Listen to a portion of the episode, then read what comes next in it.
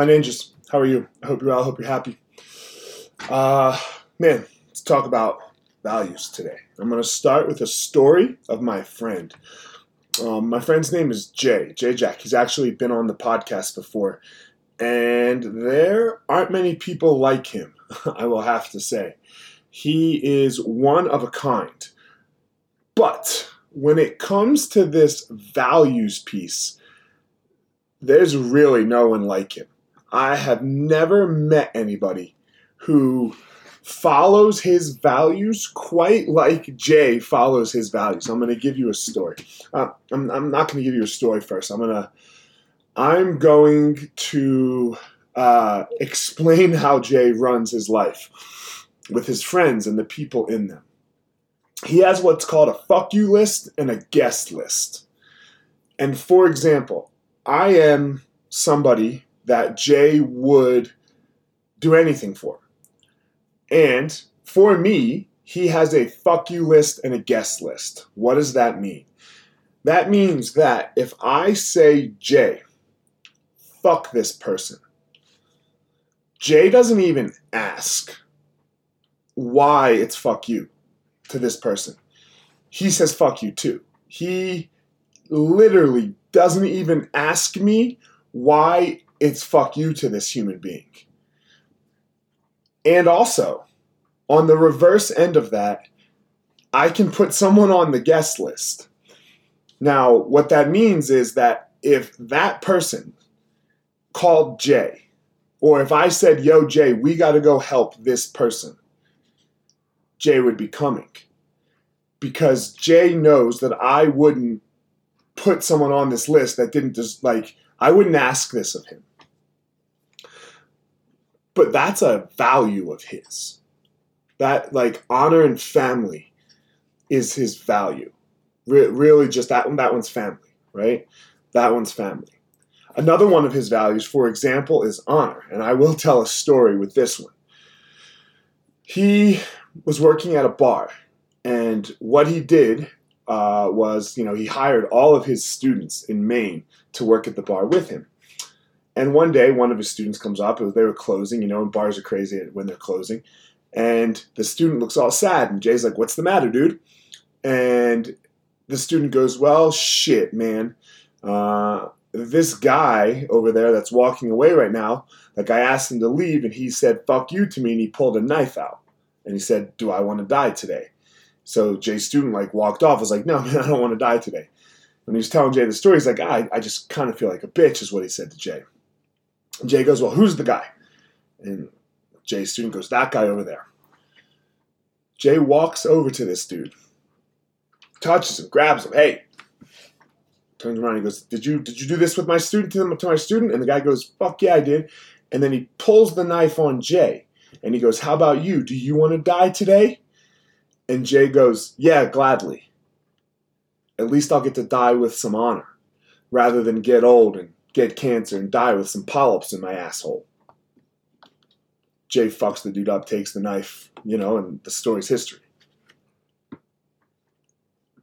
Now, as crazy as that story is, that's living by your values. So, what are your values?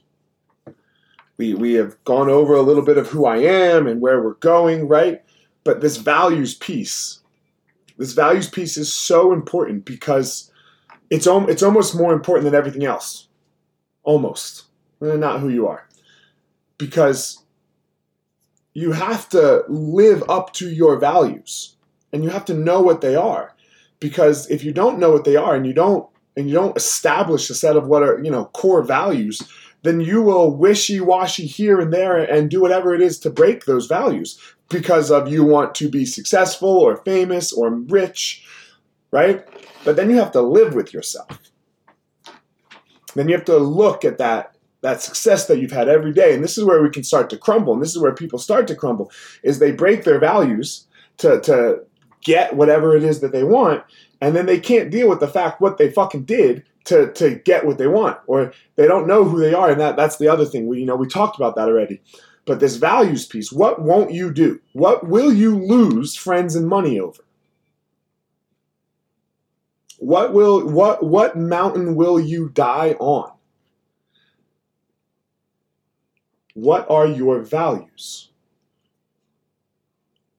Because we will never act outside of our highest value. Think about it. Think about all the things you've done in your life and why you've done them.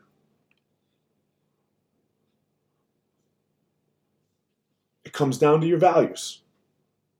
What do you value? You you can't act. And look, they can change moment to moment. I used to value going out and trying to get laid guess what? I don't value that anymore. So I don't do it. Never. right? Never. I used to value people's opinions, how they saw me. Sometimes I still do.